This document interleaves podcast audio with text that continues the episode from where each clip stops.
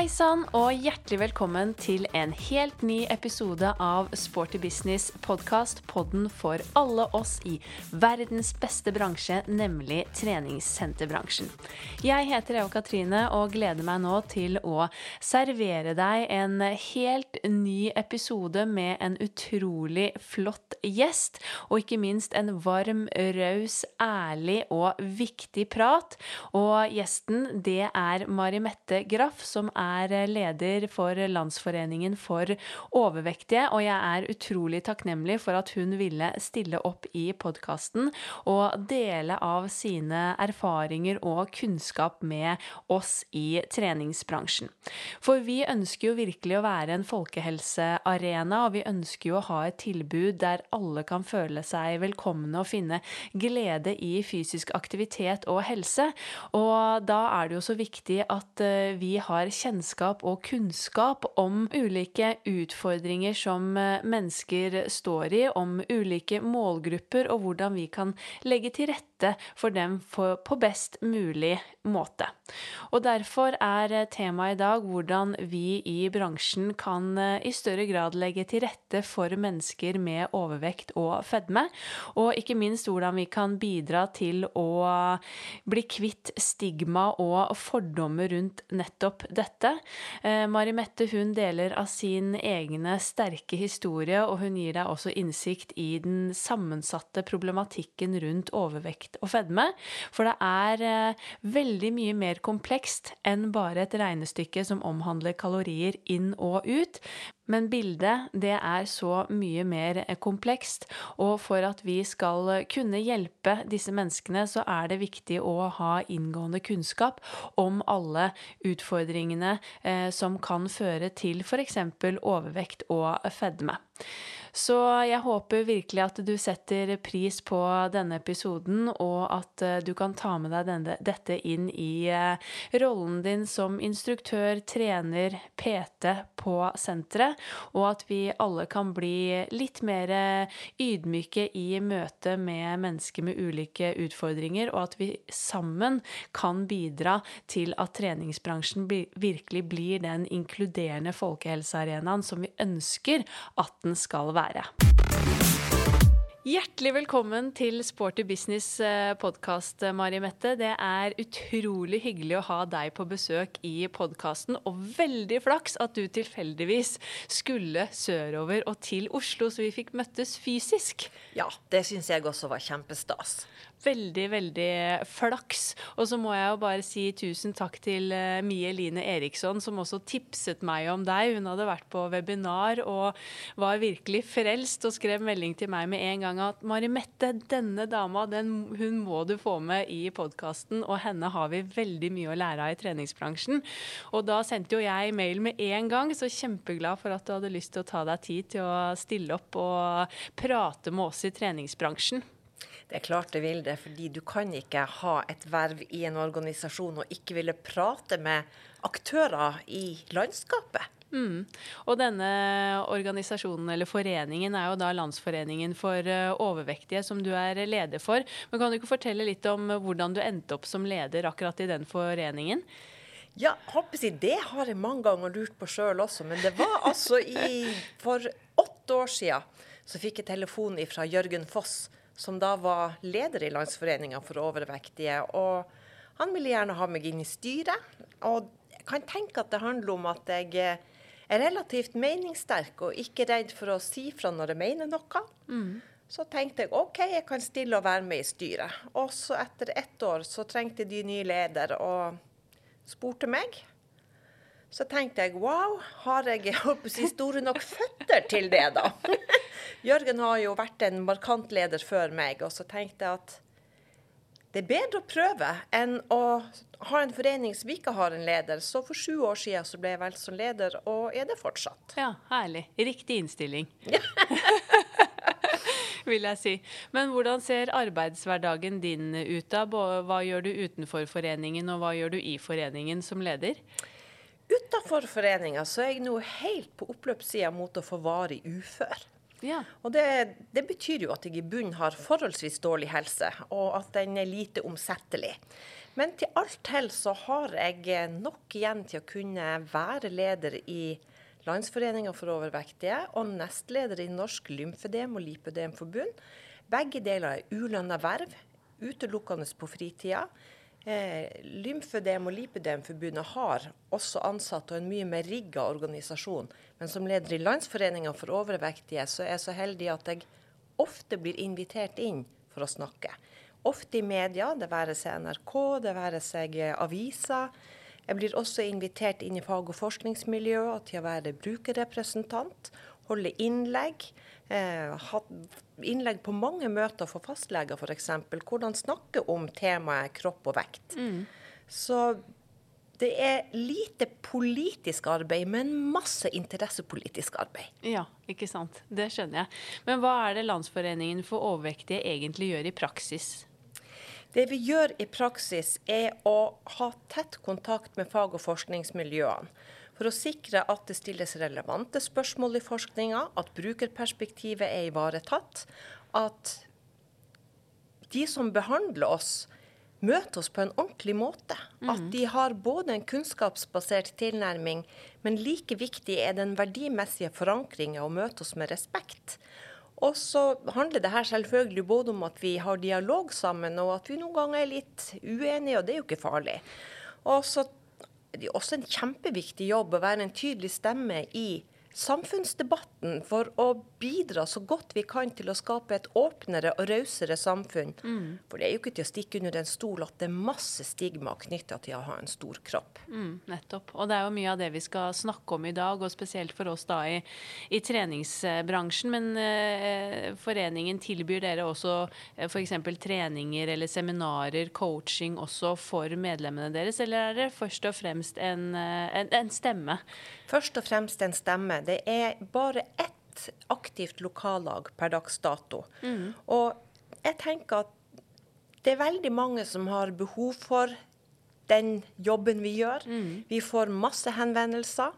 Eh, vi vet vi gjør en viktig jobb, men det er ikke så innmari kult å være medlem hos oss. Sånn at eh, det er ikke verken mange lokallag eller eh, enkeltmedlemmer. Men vi representerer like fullt over halvparten av Norges voksne befolkning. Ja, og en veldig viktig stemme, tenker jeg, og som vi da i treningsbransjen virkelig trenger å lære mer om. Men hva er ditt forhold til treningsbransjen, da? Det er anstrengt. Jeg må jo bare være ærlig. jeg liker å være ærlig. Eh, det handler om mange ting. Først og fremst så vil jeg anerkjenne det at det legges til rette for at folk kan komme og trene. For det er viktig. Noen har behov for et fellesskap, noen har behov for en arena. Samtidig så er det sånn at med en gang det gjøres business på kropp, så er vi inne i et landskap som fort kan bli litt sånn minelagt. Fordi når man har et produkt, så vil man selge det. Og når du skal selge, så må du ha et budskap, og du må bruke ord som skaper følelser. For treffer du ikke folk i følelsen, så blir de ikke motivert. Og idet du treffer folk i følelsen, så kan det hende at du treffer blink på noen og nesten gjør at andre føler seg dødelig såra. Helt klart.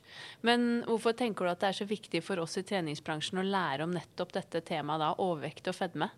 Fordi kroppen er den fysiske representasjonen av meg.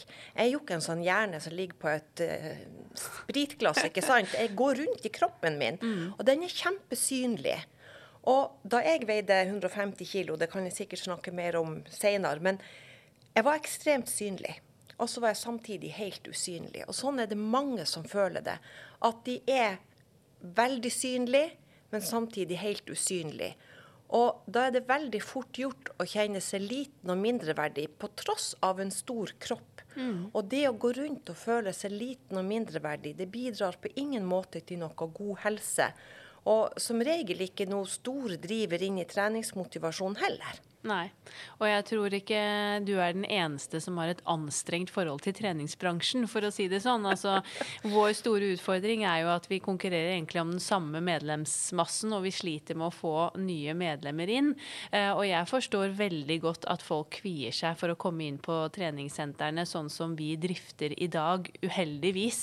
Eh, men det kan virke litt skremmende, tror jeg, å ta steget inn på sentrene. Og heldigvis er det jo i en bedring når det kommer til å snakke mer helse. Men fortsatt så er det jo mye fokus på kropp, og det man ser i sosiale medier er ikke nødvendigvis et godt eh, eh, eller en god representasjon av hva vi faktisk tilbyr på sentrene i dag. Så jeg tror vi har masse å lære av dette, og vi vil jo veldig gjerne klare å tilrettelegge for absolutt alle, også fange denne målgruppen. Eh, og nå når vi sitter og skravler, så sitter vi også da på SIO Atletica i Oslo, som jeg jobber. Og eh, takk for lån av møterom.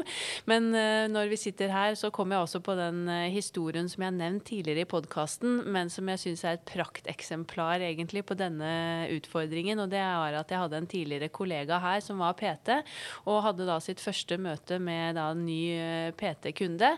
Og denne personen kommer da inn hos oss her i resepsjonen og var da eh, sykelig overvektig. Eh, vi snakker 100, over 100 kg.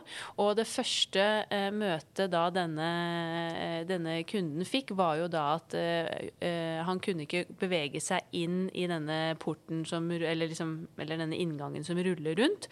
Hvor da resepsjonen må åpne porten for at han kan komme inn på senteret.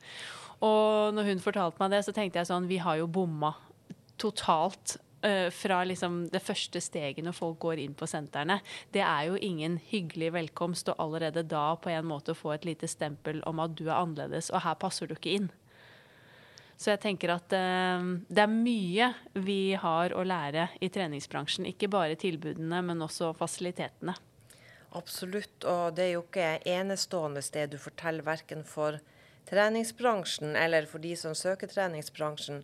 Den samme utfordringa vil vi finne alle steder der det er sikkerhetskontroll, f.eks. Mm. Og jeg skjønner jo at det er, eh, det er, et, eh, det er ingen god opplevelse når det er det første møtet du får med f.eks. da treningsbransjen. Men du nevnte jo også at uh, du har uh, også vært uh, svært overvektig. Og jeg vet at du har en sterk historie. Du led av sykelig overvekt og veide om på et tidspunkt rundt 150 kilo. Stemmer det? Ikke bare på ett tidspunkt. Jeg tror kanskje i nærmere 30 år. jeg skjønner. Og jeg vet jo, som du nevnte, at du har opplevd stigma og møtt uh, fordommer og kjent på denne usikkerheten i egen kropp. Kan du ikke fortelle litt om det, og hvis du har lyst til å dele din historie med oss? Det kan jeg. Da har jeg faktisk lyst til å dra lytterne tilbake til da jeg gikk i barneskolen. Mm. Da kunne dere altså finne meg i klesskapet inne på rommet mitt, sittende alene med en hel fyrstekake. Den hadde jeg kjøpt for penger som hadde stjålet fra mammas håndveske. Jeg er oppvokst i et godt, men strengt kristent hjem og visste veldig godt at ikke skal man stjele. Og ikke skal man lyge. Og det er klart, først stjal jeg. Og hvis mamma hadde funnet ut av det, så hadde jeg løyet for å prøve å komme meg ut av knipa. Så jeg satt der i en sånn dobbel tvist og visste at jeg gjorde noe gærent. Og likevel så gjorde jeg det. Hva var den sterke driveren til å gjøre noe jeg visste ville skuffe både mamma og pappa? Jo, i det klesskapet satt jeg og spiste fyrstekake. I da et ubevisst Det her er jo sånn som jeg har skjønt senere, ikke sant, når jeg har mm. fått kunnskap om eh, min egen sykdom. Jeg satt der i håp om å gjenskape denne følelsen av fellesskap og omsorg som jeg opplevde rundt middagsbordet. For der hadde mamma og pappa alltid tid til meg og søsknene mine. Hvordan har dere hatt det i dag? Hva har dere gjort? Hva var OK? Alle sånne ting. Og så ble jeg mobba på skolen fordi foreldrene mine var lærere begge to. Og i et sånt forsøk på å gjenskape den følelsen av å bli sett og ivaretatt Fordi i beste mening så sa mamma og pappa til meg da jeg fortalte om mobbinga er du sikker på at ikke du sa eller gjorde noe først, Mari Mette? Ikke sant? De ville gjøre meg til et etisk reflektert menneske. Men det som skjedde, var at jeg fikk en enorm skyldfølelse for mobbinga jeg ble utsatt for. Mm. Og kjente så behov for å numme de følelsene at jeg da søkte til den følelsen mat skapte, og fellesskap skapte. Og sakte, men sikkert så åt de bare større og større. Så kom pubertet, så kom svangerskap. Og etter hvert så ble det da en overspisingslidelse som jo handler om å miste kontrollen. Og i det perspektivet så vil jeg si at det sprang rundt i et sånt hamsterhjul hvor mat ble svaret på enhver følelsesmessig utfordring. Overvekt og fedme som tema er jo generelt et litt vanskelig tema å snakke om, eh, tenker jeg mange syns. Eh, og jeg tror nok veldig mange av oss også i treningsbransjen er, er redde for å trå feil, for å si noe feil. Eh, men samtidig så er det jo så viktig at vi egentlig tør å snakke mer om dette. Men hva er det egentlig som er greit å si? Er det greit å si f.eks. Eh, overvektige, altså at man kaller noen overvektige? Nei. Nei. Men hvis du sier mennesker med overvekt, Mhm. så er det noe helt annet enn overvektige. Ja. Du sier ikke diabetikere, eh, kanser, der går kanseren. Eh, Ikke sant? Ja, ja. Der går et menneske med kanser. Der går et menneske med overvekt. Sånn at hvis vi i vår samtale om kropp alltid har mennesket først, mm. så tenker jeg at da, bare i det, så kommer vi et kvantesprang videre i det her med å bli sett som menneske kontra den kroppen eller hudfargen eller funksjonsevnen du har. Altså sånn Det å bli sett for det mennesket du er, blir du det, så øker også tålegrensa for at folk kan snuble litt. ja. eh, og så er det heller ikke noe ensidig fasit på det her, fordi noen blir støtt av å bruke ordet stor, andre overvekt. Noen bryr seg ikke om det. og hvis man nå skal snakke om det, så spør hvordan ønsker du at vi skal snakke om det her? Ja, mm, det er et godt tips. Men uh, ordene overvekt og fedme er jo noe man stadig uh, hører om, og det er jo også en av betegnelsene på liksom, de største folkeplagene i dag, i tillegg til muskel- og skjelettlidelser. Men hva er forskjellen eller definisjonene på overvekt eh, kontra fedme? Husker ikke BMI-tallene sånn 100% i hodet, men jeg mener bestemt at du går fra overvekt eh, til fedme når du bikker det som kalles for BMI eller KMI 28. Ja. Ja, og så er det jo sånn at du har fedmegrad 1 og fedmegrad 2, og eh, jeg lurer på om fedmegrad 2 begynner på BMI 35 eller noe sånt. Eh, men det handler jo om ikke bare altså så Når vi snakker overvekt og fedme, så er jeg opptatt av at vi ikke bare skal tenke det som er synlig. Fordi ja, det å ha en stor kropp kan virkelig representere en potensiell risiko for helseplager. Men kropper er så forskjellige at noen utvikler jo f.eks. høyt blodtrykk og høyt kolesterol på en langt lavere kroppsvekt enn f.eks. jeg og mange andre gjør. Fordi denne genetiske predisposisjonen vi har for ulike ting, den er høyst individuell.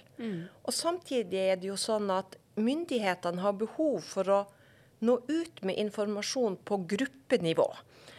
Og det gjør jo at samtalen noen ganger blir veldig spissa, og så må den være så enkel at folk husker den, og da kan den noen ganger bli litt for enkel. Ja. Sånn at vi trekker forhasta slutninger om enkeltpersoner på bakgrunn av det som er sånn populasjonsinformasjon. Men når du er inne på dette at man ikke bare skal snakke om det ytre eller hvordan det ser ut, da. For det er jo ofte det vi henger oss opp i. Men dette er jo et mye mer komplekst bilde. Og jeg vet jo at øh, nå er det sikkert noen i treningsbransjen som kanskje syns jeg er litt streng, men jeg, jeg vet at veldig mange av oss i bransjen, vi snakker om overvekt som et regnestykke.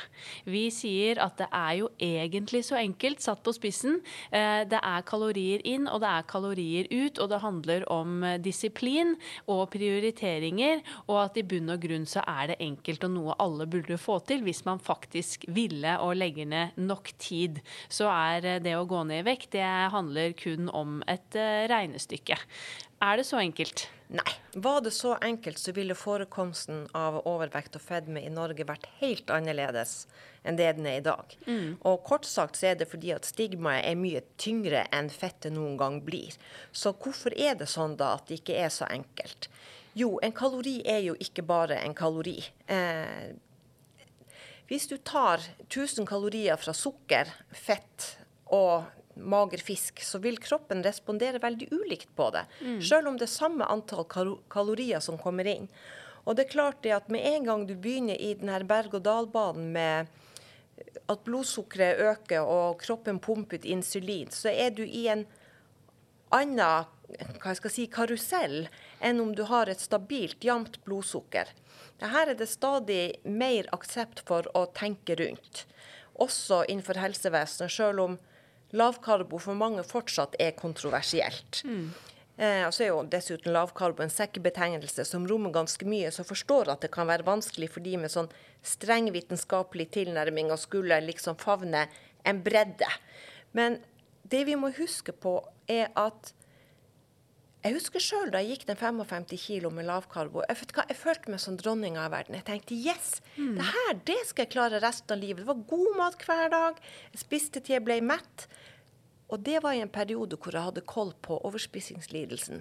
Men så kom livet og slo meg i bakken igjen. Og jeg gikk opp alle de 55 kiloene på relativt kort tid. Og den skammen, den var tung å bære, den. Mm. Og når jeg forteller det her, så er det jo ikke for folk skal på en måte kjenne pitti med verken meg eller andre som har overspisingslidelse, men rett og slett være litt mer ydmyk i forhold til at hver eier sitt liv sin historie, sin kropp og sin vekt.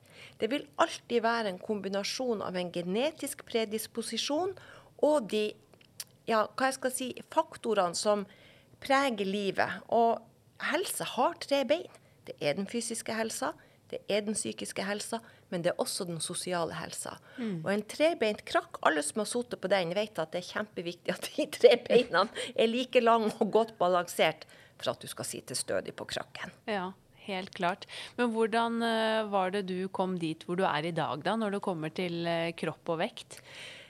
Først så jobba jeg knallhardt med å få koll på spiseforstyrrelsen, og rydda i livet, for å bare sånn summere kort. Og så brukte jeg penger jeg hadde til å kjøpe meg en fedmeoperasjon. Fordi i det offentlige, det her er jo 12-13 år tilbake i tid, så var altså progresjonen i køen for å kunne få det gjennom det offentlige så sakte. Ja. Ingen kunne si meg når jeg kom videre. Og jeg tenkte hvis ikke jeg går ned i vekt på varig basis nå, så blir jeg ikke 50. Og det her var i begynnelsen av 40-årene. Mm. Og nå er jeg 55, nei 56 år. sånn at jeg har på en måte kommet godt forbi det jeg trodde skulle være min dødsdag. Og for meg så var det en livreddende operasjon. Og det er klart det er veldig drastisk inngrep å gjøre. Det er ikke sånne store ting som skjer, men det får så store konsekvenser. Mm. Og for oss som har overspisingslidelse, så er det også magen som blir operert, det er ikke hodet. Sånn at ingen må tro det er en lettvint løsning for noen. Det er ikke noe problem å ete seg opp igjen for de aller fleste som tar en fedmeoperasjon. Sånn at jeg må ta de samme aktive valgene hver dag som jeg måtte ha gjort hvis jeg ikke hadde hatt operasjonen. Men for meg så er det et kjempegodt hjelpeverktøy. Men det er som ethvert annet verktøy. Ligger det i boden, så skjer det ingenting på stua. Mm. Men du hadde da, eh, som du sier, denne operasjonen i tillegg til Har du fjernet eh, ekstra hud, f.eks.? Det har jeg gjort. fordi når du er rundt 30 år, går rundt og veier 150 kg, så når du da går det ca. 75 kg, ja, så er det kanskje kropp for én. Men så er det altså hud for to. Ja. Jeg vil sammenligne det med en sånn gigantisk onepiece. Altså armer som flyger ekorn pupper som tomme plastposer som henger ned i navlehøyde. ja, altså Man føler seg ikke lekker. Det ble fjerna en badering på fire kilo av hud bare rundt ja. i belteområdet mitt. Mm. Sånn at jeg har hatt fem, kanskje seks operasjoner eh, etter vektnedgangen. Ja. Mm. For det tenker jeg er jo en viktig del av det også, at man uh, har den muligheten. Det er kjempeviktig. Det, det, er jo ikke alle land som har det som en del av en rettighet. Og det er klart at mange kommer aldri dit hen etter en fedmeoperasjon at de får det her dekt på statens regning. fordi det er i utgangspunktet en forutsetning eller en forventning da at du skal ha BMI rundt 27-28, og det er det ikke alle som får. Nei. Mm. Men du var jo inne på dette med altså, genetikk eh, som kan være en utfordring. Kan du ikke si litt om eh, de typiske tingene som kan være en utfordring for mennesker eh, med overvekt, med tanke på at det er ikke et sånn enkelt regnestykke? Jeg er nokså sikker på at mange vil kjenne familier eller venner hvor det er sånn at det kan være flere søsken Så la oss si at du har to-tre satt på spissen flaggstenger, og en som har en skikkelig stor, kompakt og rund kropp. De er vokst opp i det samme hjemmet. De sitter ved det samme middagsbordet. De har samme tilgang på snop av uka. De har samme tilbud om fysisk aktivitet av uka, men hvor én da utvikler stor grad av overvekt, kanskje fedme allerede som barn. Og da er det jo sånn at genene våre de kommer jo fra begges opphav og en sånn godsalig blanding. Og så er det bare sånn at noen har en genetisk økt sårbarhet for å kunne vokse opp i det samme miljøet, men respondere helt annerledes. Ja. Ja. Sånn at det er rett og slett fryktelig urettferdig, eh, for å si det på et folkelig norsk. fordi det blir jo sånn at når man da ser denne eh, søskenflokken utenfra, så er sannsynligheten for at det barnet som har den største kroppen, blir sett på i familieselskaper. Trenger du virkelig det kakestykket der? Nei, skal du ta middag porsjon én til? Og få kommentarer på Nei, nå syns jeg skjorta di eller kjolen din har blitt litt snau, du. Altså, du får høre det hele tida. Og det påvirker måten en ser på seg sjøl veldig ofte i en negativ retning, hvor man føler seg feil. Og det å føle seg feil, det, det er ikke helsefremmende på noen måte. Nei. Nei, virkelig ikke. Jeg kjenner flere også som jeg har slitt med dette, og jeg vet så enormt mye om det de har investert i å virkelig prøve å gå ned i vekt. Og de har trent, og det har gått til kosthold, eller fått kostholdsplaner og gått til ernæringsfysiologer og virkelig stått på i lange perioder. Og så har man jo gått ned noe, og så skal det ingenting til, så har man gått opp igjen. Eh, Så jeg bare Jeg kjenner jo selv noen også, så jeg, jeg skjønner at dette må være ekstremt frustrerende også for de det gjelder. Absolutt. Og så er jo kroppen vår dritsmart, sant. Tenk tilbake sånne riktig gamle dager, hvordan vi var laga for å kunne i lange perioder klare oss på veldig lite mat. Sånn at når du begynner å gå ned i vekt, så tenker kroppen 'Å, jeg dør'. Så den setter i gang alle mottiltak for å holde på vekta. Går du ned 10% i vekt, røftlig 20% reduksjon i forbrenning. Og veldig mange av oss som har overvekt, vi har det sånn at sulthormonet det står og uler som en brannalarm hele tida. Mens metthetshormonet det blinker som en sånn lyspære som er i ferd med å dø.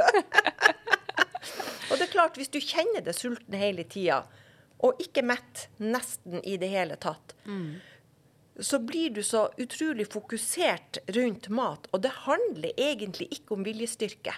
Altså, hormoner de påvirker oss veldig. Tenk nå bare på kjønnshormonene, og enten det nå er menstruasjonssyklus eller sexdrive. Da er det helt greit at hormonene påvirker oss, men med en gang det kommer til sult og metthet, så skal det være et spørsmål om vilje. Det, det er en veldig forenkla forståelse. Ja, Uten at jeg kan si at jeg forstår, så kan jeg jo på en måte bare skjønne det litt. Altså Jeg er sånn som er sulten stort sett hele tiden, føler jeg noen ganger. Eh, og veldig også da glad i mat. Men hvis jeg da ikke spiser og får ordentlig blodtrykksfall, jeg blir jo så sur. Eh, og det påvirker jo stakkars de rundt meg, og de som kjenner meg, vet det godt. Altså De sier at de alltid burde hatt en sjokolade på innerlomma, så de er eh, forberedt. Men bare det merker jo jeg hvor enormt mye da den sultfølelsen gjør med meg. Jeg blir jo nesten litt krakilsk i de øyeblikkene. Og i tillegg så husker jeg for flere år siden hvor jeg slet med en del vondter og trente masse og sånn, hvor jeg, hvor jeg var jo som kostholdsveileder. Og da fant vi ut at jeg faktisk spiste for lite. Jeg fikk ikke i meg nok næring, men jeg hadde jo veid akkurat det samme, så jeg tenkte jo ikke at det var noe problem. Og det var jo nettopp det at kroppen bare tviholdt på alt jeg hadde. Men så gikk det utover da muskulatur, bindevev, immunforsvar, andre typer ting istedenfor. Så det er jo som du sier, den kroppen er jo supersmart, og den gjør det jo ekstremt vanskelig for deg eh, å gå ned. Den gjør det. Og nå har vi hatt en sånn litt hva jeg skal si, fysiologisk tilnærming til det her med vekt. Men det vi jo også vet, er at forekomsten av mennesker med livsbelastende hendelser i bagasjen, den er mye større i den andelen mennesker som har overvekt og fedme, enn Ja. den delen av befolkninga som ikke har det. Sånn at det er så utrolig mange faktorer som gjør oss sårbare for det å utvikle overvekt. Og Det er derfor jeg er så utrolig opptatt av at vi må se hele mennesket. Vi kan ikke bare snakke om kalorier inn og ut. Vi er nødt til å snakke om hvordan har du det. Hvordan har du det med deg sjøl? Hvordan er det med partner? Eh, og jeg skjønner at treningsbransjen som sådan skal ikke ha en behandlende tilnærming. Men man skal ha respekt for å forstå at det mennesket som kommer på treningssenteret, det kommer med en livshistorie. Det kommer med en genetisk predisposisjon. Det kommer med en størrelse på lommeboka som vil påvirke hvordan handlingsrom du har. Og selvfølgelig, har du råd til trening, så har du sannsynligvis råd til å kunne velge litt mer aktivt på butikken enn de som f.eks. lever på supplerende sosialstønad. Mm. Og det vet vi jo også, at forekomsten av overvekt og fedme er større i grupper med mennesker som har lav utdanning og lav lønn, enn i resten av befolkninga. Mm. Sånn at det er så mange lag her. og det er klart det at når vi da hele tida får høre hvor enkelt det skal være, så er det utrolig fort gjort å kjenne seg så mislykka som menneske. Mm. Ja, virkelig. Det er jo utrolig komplekst. Og det er jo småting sikkert bare som vaner, kunnskap. Det er så mange ting som spiller inn, i tillegg til, som du sier, eh, erfaringer, eh, hvilken historie du har med deg, det mentale. Hele den biten. Eh, og så nevnte du jo innledningsvis dette ordet lipødem også. Og det er jo Jeg har jo googlet meg litt opp, og vi snakket jo om det. Vi hadde et møte før denne podkasten òg, så da lærte jeg litt om det. Men altså en tilstand med sykelig fett fettansamling i sete, lår, legger og også eventuelt armer. Og det kan være smertefull, en smertefull tilstand også. Og når man leser om det, så står det jo at denne eh, tilstanden bedres ikke ved slanking. For eksempel. kan du ikke fortelle litt om hva dette her egentlig dreier seg om, og hvilke, hvor utbredt det problemet er? Jeg kan jo starte med det siste. Det er litt vanskelig å si sikkert hvor utbredt det er. Der spriker tallene, og det har ikke vært sånn veldig Altså, Det er enighet om hva det handler om, men hvordan man skal diagnostisere det og registrere det, det er ikke helt på plass. Det er jo ikke en diagnosekode i Norge per i dag. Men det er igangsatt eh, studier og utprøvende behandling i alle helseregioner. Men det som du sier, det handler om fett, og det handler om sjukt fett.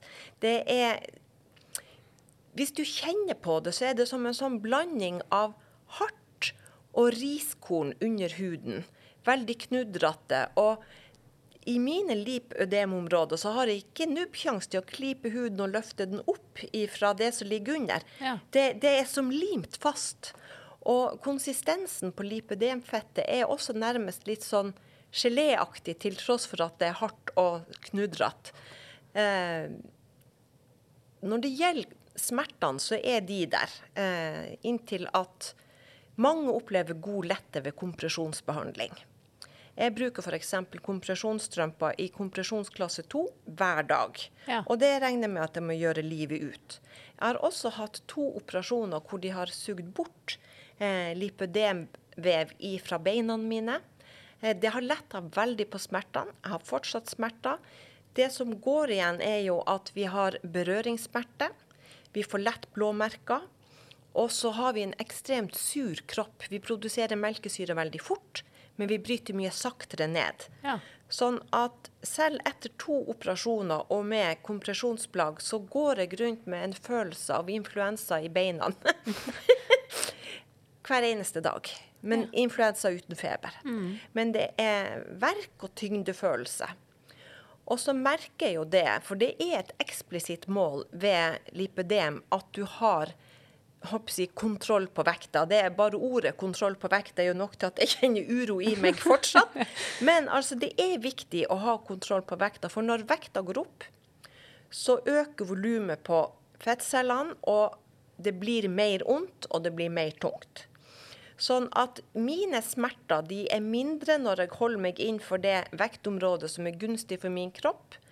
Hvis jeg ikke har jevne nok styremøter med meg sjøl og overspisingslidelsen begynner å rope, så merker det i beina før jeg merker det på bukselinninga. Ja. Sånn at smertene lindres for veldig mange både gjennom et ketogent og antiinflamatorisk kosthold og ved å gå ned i vekt. Det er svinvanskelig å gå ned i vekt, og det disproporsjonale forholdet, det forblir. Sånn at du vil alltid ha mer fett der i området med lipedem enn resten. Men det er mulig å krympe dem for de aller fleste. Men det er skikkelig tungt. Det er skikkelig utfordrende. Hvorfor er det så vanskelig å klare å gå ned i vekt hvis man har denne tilstanden? Det vet jeg faktisk ikke, til tross for vervet. Mm. Eh, det handler vel om at det er sykt fett som si, mer eller mindre limer seg fast på, på folkelig norsk og ikke vil slippe. Det, det, er en sykdomstilstand. Det er inflammatorisk. Mm. Det er betegnt. Ja. Nei, jeg har jo skjønt at, mm. uh, at, dette også er noe som forskes veldig mye på. Og her er, eller at her er det mye vi ikke vet fortsatt, som vi Absolutt. ønsker uh, svar på knyttet til denne tilstanden. Men er dette noe man blir født med, eller kan man utvikle det i voksen alder? Igjen så er det en sånn genetisk predisposisjon, og det rammer nesten utelukkende kvinner. Det er veldig ofte utløst av eh, hormoner, endringer som pubertet, svangerskap. Noen får det så sent som overgangsalder. Ja. Og så er det ikke noe sånn lovmessighet i at selv om du har lipedem, så utvikler du overvekt. Men det vi ser, er at det veldig ofte henger sammen. Og hvis du først får lipedem, så kan det bli så smertefullt og vanskelig å trene at hvis man har hatt en veldig aktiv livsstil og fortsetter med matinntaket, men ikke klarer treninga, så vil vekta sakte, men sikkert gå oppover. Og hvis du har eh, lipødem, så blir det verre ved mm. overvekt. Ja. Og så nevnte du jo dette med overspising. Mm. Eh, det er jo også noe de fleste har hørt om. Eh, kan du ikke si litt mer om hva egentlig den eh, spiseforstyrrelsen går ut på? Det kan jeg. Jeg har bare lyst til å ta et sånn lite tall først, og det er det at andelen som har overspisingslidelse, det er større enn de som eh, har anoreksi og bulimi til sammen. Ja. Og likevel så er det den minst kjente, mm. og ikke minst den minst anerkjente spiseforstyrrelsen mm. vi har. Det er interessant. Ja. Den dødeligste er jo anoreksien. Den som er minst synlig, er som regel bulimien. Men de som har bulimi og de som har overspisingslidelse, kan ha til forveksling lik atferd. Men vi som har overspisingslidelse, vi setter ikke inn de kompenserende tiltakene. Nei. Ikke får vi treningsmanien, eller vi kan ha den i perioder, men den bidrar ikke til at vi går ned i vekt. Eh, ikke stikker vi fingeren i halsen heller i særlig grad. Sånn at der andre kan kamuflere det med en kropp som er sånn høvelig innenfor det som blir definert som normalvekt, så blir våre sakte, men sikkert større. Ja. Og fordi det er så synlig hos oss, så er det vi som får stempelet i panna som viljesløs, lat, kunnskapsfattig, eier ikke stamina og alle de her tingene som lett blir assosiert rundt det å utvikle overvekt. Og alle de andre som flyter på treningssenteret, men kanskje ligger på kne over doskåla i skjul, de er flinke. Mm. Og hvordan havna vi der at det å drive med vektregulering handler om å være flink eller ikke flink? Det er en skikkelig avsporing. Ja, virkelig. Mm. Men når du har overspisingslidelse, hvordan eh, utarter det seg? Du mister kontrollen. Eh, selvfølgelig, når jeg skal huske masse tall, så gjør jeg det ikke. Men det er minst én gang i uka over minst tre måneder, hvis jeg husker riktig.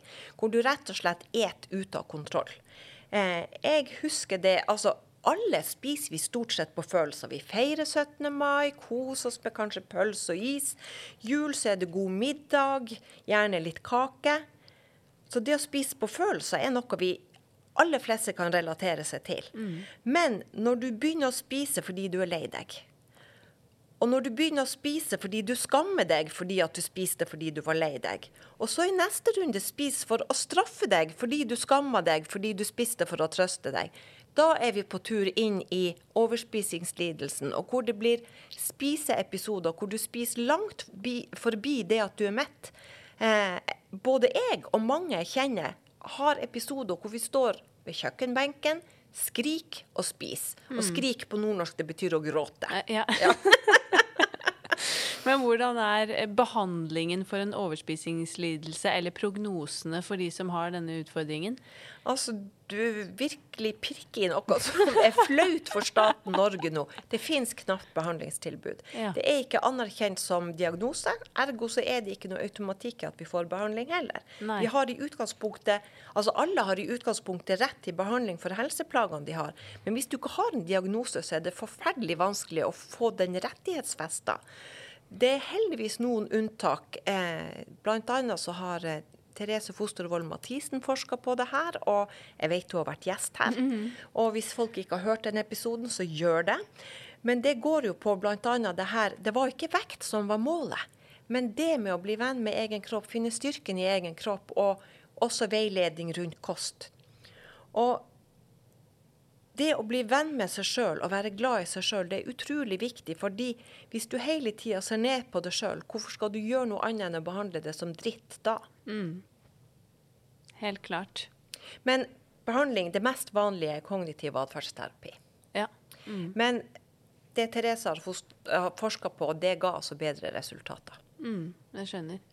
Kjenner du til, eller mm, egen erfaring opp gjennom årene med tanke på din historie, altså hva slags aktivitet eller treningsform som f.eks. er å uh, foretrekke, kanskje også da med eh, de som sliter, sliter med lipødem? Lipødem så er svømming absolutt det beste. Ja. Det vil også være veldig veldig gunstig for mennesker med store kropper, nettopp fordi det er så skånsomt mot kroppen. ikke sant? Du får kompresjon og du får motstand, men samtidig så er du på en måte vektløs, sånn at du får ikke den belastninga på leddene. Eh, samtidig er det jo mange som kvier seg for å gå i bassenget. Sånn at eh, der tenker jeg at eh, ja, nasjonen har en pedagogisk og holdningsmessig utfordring. Ja. Ja. Eh, jeg kan jo bare sånn eh, være litt personlig her. Da jeg hadde gått ned de 55 kiloene på lavkarbo, og var det her store OnePiece som slang rundt meg Åh, det var, Jeg virkelig hata det jeg så i speilet. Så tenkte jeg, Marimette, det her kan du ikke være bekjent av.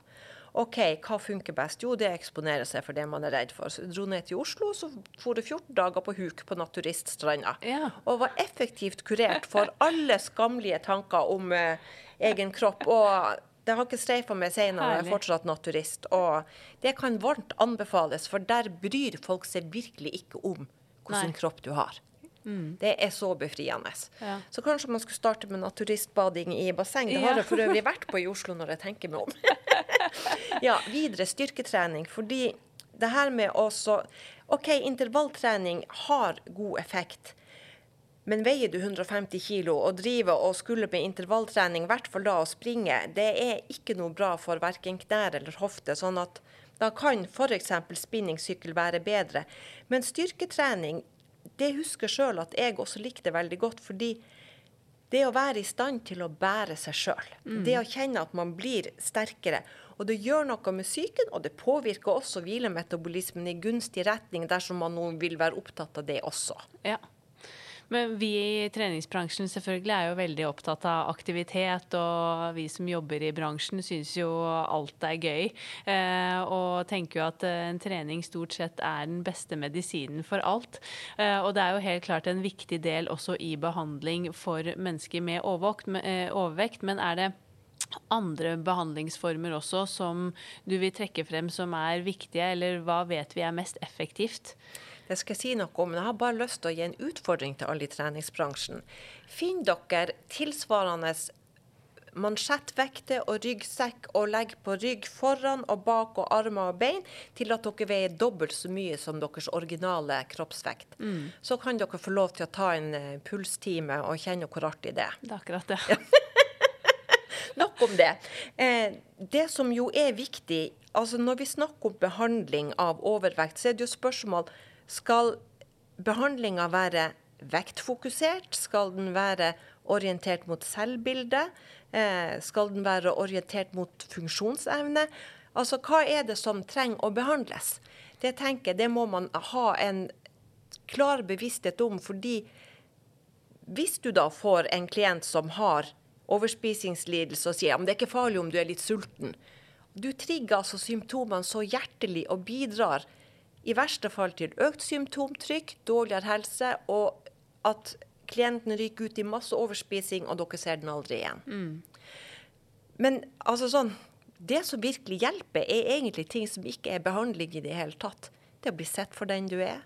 At folk er vennlig nysgjerrig på hva du kan, hva du liker å holde på med. Hvordan man kan få til noe OK sammen. Eh, men det er klart, har du historikk med traumer, enten det noe skyldes mobbing eller overgrep, voldelig relasjon eller hva, så kanskje du må få hjelp med traumene dine før du kan gå inn og i det hele tatt ha sjans til å gjøre noe med spiseatferden din. Det å faktisk bli venn med maten og ikke se på den enten som belønning eller straff. Mm. Eh, også kjempeviktig. Mm. Når er det det er aktuelt med operasjon? For å få operasjon så må du ha en BMI på over 35 med følgeplager eller over 40 uten. Ja.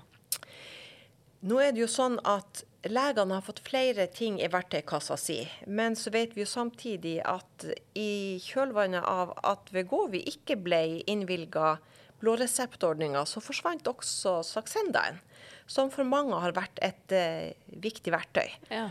Uh, og det vi sitter igjen med da, er Musimba, som er tabletter som er, før var inngangsbilletten til kanskje å kunne få saksenda. For hvis Bysimba ikke virka, så kunne du få saksenda. Så når da staten nå sier at ja, men vi har fortsatt med Simba til de som gikk på saksenda, så bare fortell meg at de vet ikke hva de snakker om. Fordi at hele poenget med at du fikk saksenda, var at Musimba ikke virka. Ja. Sånn at Og hva gjør de? De regulerer sult og metthet. Ja. Og med det siste legemiddelet, Vegovi, så har man hatt så gode resultater på vektreduksjon at man har sett på det og vurdert det som et reelt alternativ til fedmekirurgi. Ja. Og det som er at man har ikke forska tilstrekkelig på langtidsvirkningene ennå, og staten lot seg ikke overbevise av de eh, kostnadsberegningene som ble lagt til grunn, så det bare tok de ut av vurderinga. Eh, og det er klart at det som skjer da, det er at vi sitter igjen med et enda sterkere klassedelt samfunn i forhold til helse og rettigheter. Mm. Og det skal ikke være sånn i Norge i dag at det er tjukkelsen på pengeboka som avgjør hvordan hjelp du kan ta og få. Men sånn er det. Og det er klart at da er fedmekirurgi igjen et alternativ for flere. Men igjen, det er et inngrep i magen. Eh, det tar ikke så veldig lang tid å gjennomføre. For de fleste så går det veldig bra. Men det heter jo på folkemunne slankeoperasjon. Så folk får en sånn forestilling om at OK, man tar den operasjonen, så blir man slank, eller den som tar den, blir slank. Men for at en fedmeoperasjon skal vurderes som vellykka, så er det tilstrekkelig at du går ned 60% av overvekta. Så ja. veier du 150 kg og går ned til 100, så er det en vellykka operasjon. Mm. Hvis du er rundt 1,65. Men du har jo fortsatt veldig mange kilo på kroppen. Ja, mm. klart.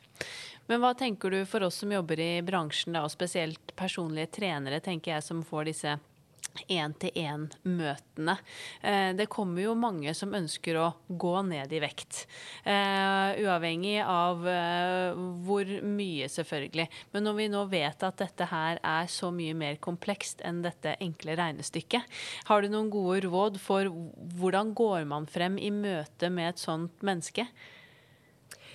Ja, det er jo stor forskjell på den som kommer og har gått opp fem kilo i jula og vil ha hjelp til å få altså julekiloene igjen, kontra den som uh, veier 50 kilo mer enn det som er anbefalt som helsemessig gunstig. Og jeg tenker de trenger helt ulik tilnærming. Det vi vet er at slankekurer virker ikke. Det gjør ikke det. Mm. Det er som regel oppskrifta på et jojo-kjør uten like, hvor du går ned, Går opp og litt til, går ned, opp og litt til. Det her er jeg helt sikker på at bransjen kjenner til.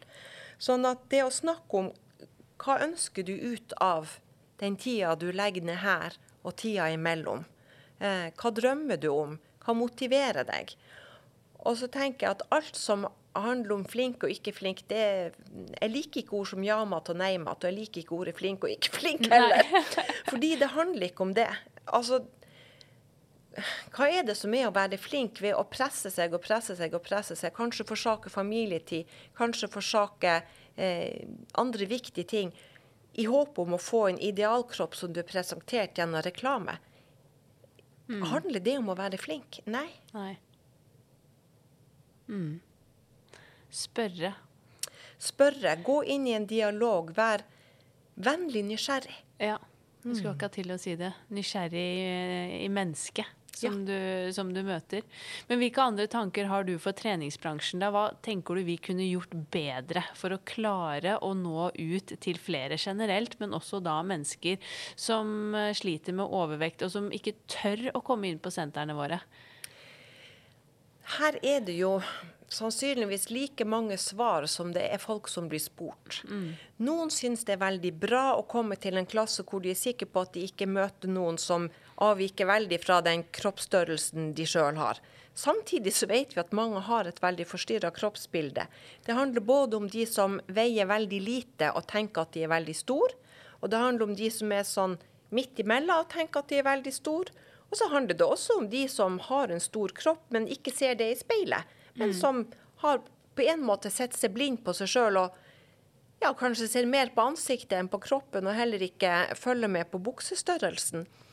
Sånn at det er ikke enkelt å gi noe svar, men det å skape trygge rom Og ja, jeg vet at vi alle har en arbeidstid, og at vi ikke representerer arbeidsgiver når vi ikke er på jobb. Men jeg har jo sett en del personlige trenere og treningsinstruktører som skriver ting på Facebook, så har jeg tenkt Vet du hva, det vil ikke jeg hatt i staben min på treningssenteret. For jeg vet at de uttalelsene du kommer med, det blir lest, det blir delt, og det er direkte ekskluderende. Mm. Det er altså rett og slett Du mister omdømmet som eh, aktør, og kundegrunnlaget, det forvitrer. Ja.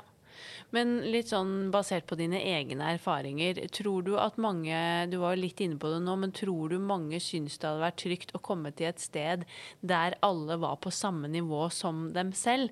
Jeg husker jeg tenkte for mange år siden at åh, jeg kunne jo lage, startet et eget senter nettopp for å treffe denne gruppen mennesker. For jeg husker når jeg begynte som instruktør på Kondis på Stovner i 2008, så møtte jeg et medlem der. Hun eh, hadde slitt med sykelig overvekt og klart altså gjennom selvfølgelig en lang periode, men funnet gleden i gruppetrening.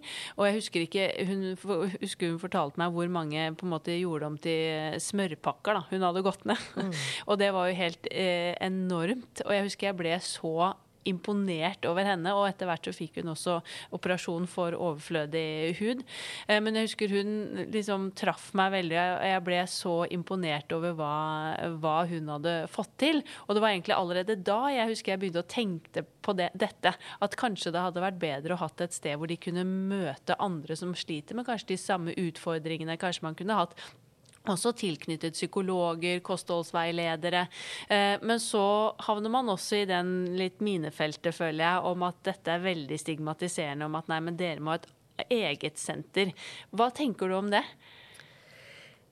Jeg syns det er et vanskelig spørsmål, fordi når du snakker, så Og nå kan det være at jeg hører deg feil, men det jeg hører, er at du har tenkt at hun trengte tilrettelegginga, eller det her at det er basert på kroppsstørrelsen. Men når jeg tenker trening, så tenker jeg at du har trente og utrente i ganske forskjellige størrelser og fasonger. Jeg var for ikke så lenge siden på konsert i Spektrum her i Oslo. Det var Lisso. Maken til fyrverkeri av ei dame. Fy flate, sier det bare. Mange, mange, mange kilo, men hoppe og sprette, twerke og gir gjerne i 1 time og 50 minutter. Mm. Du ser hun må tørke svetten innimellom. Du ser dansecrewet hennes også. Flotte, frodige damer bare står på.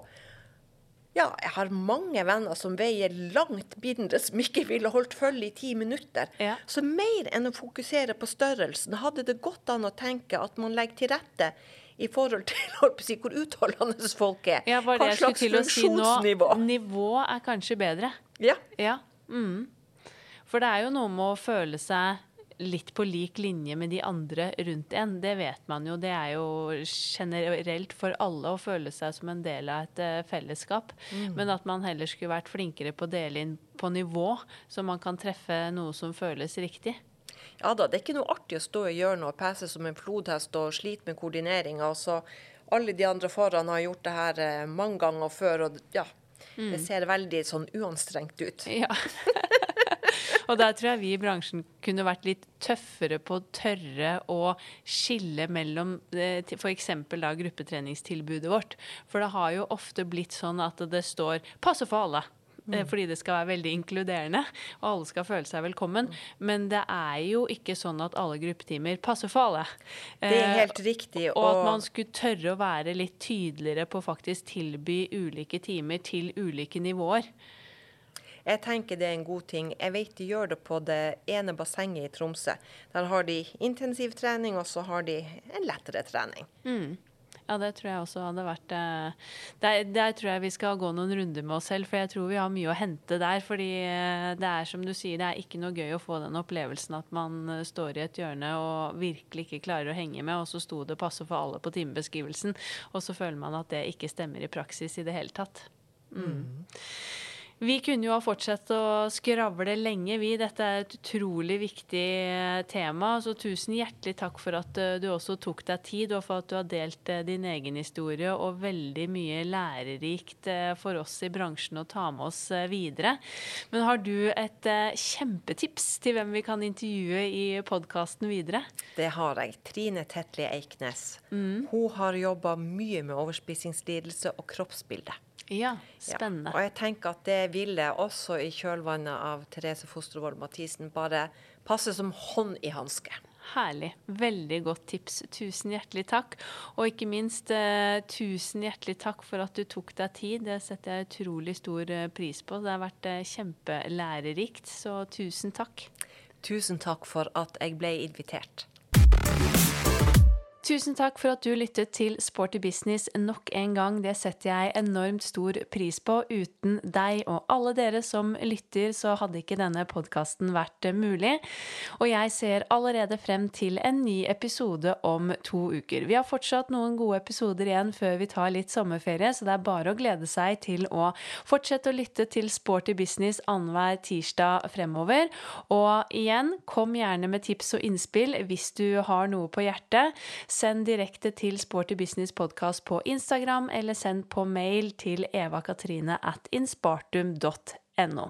Så minner jeg også om at vi har online-kurs i trening under og etter graviditet førstkommende helg på lørdag, og vi har noen plasser ledig, så hvis du har lyst til å slenge deg med på online-kurs til helgen, så sjekk det ut under påbyggingskurs på inspartum.no. Og så kan jeg også røpe at det kommer flere spennende kurs og events til høsten, så det er bare å glede seg til. Håper du satte pris på episoden, og at det ga viktig påfyll som du kan ta med deg inn i rollen du har i treningssenterbransjen. Og igjen en stor takk til Mari Mette som kom og delte av sin historie, erfaringer og kunnskap. Jeg gleder meg veldig til vi poddes igjen om nøyaktig to uker. Ha en strålende og sporty dag videre. Denne podkasten produseres av Inspartum Akademi og Adler.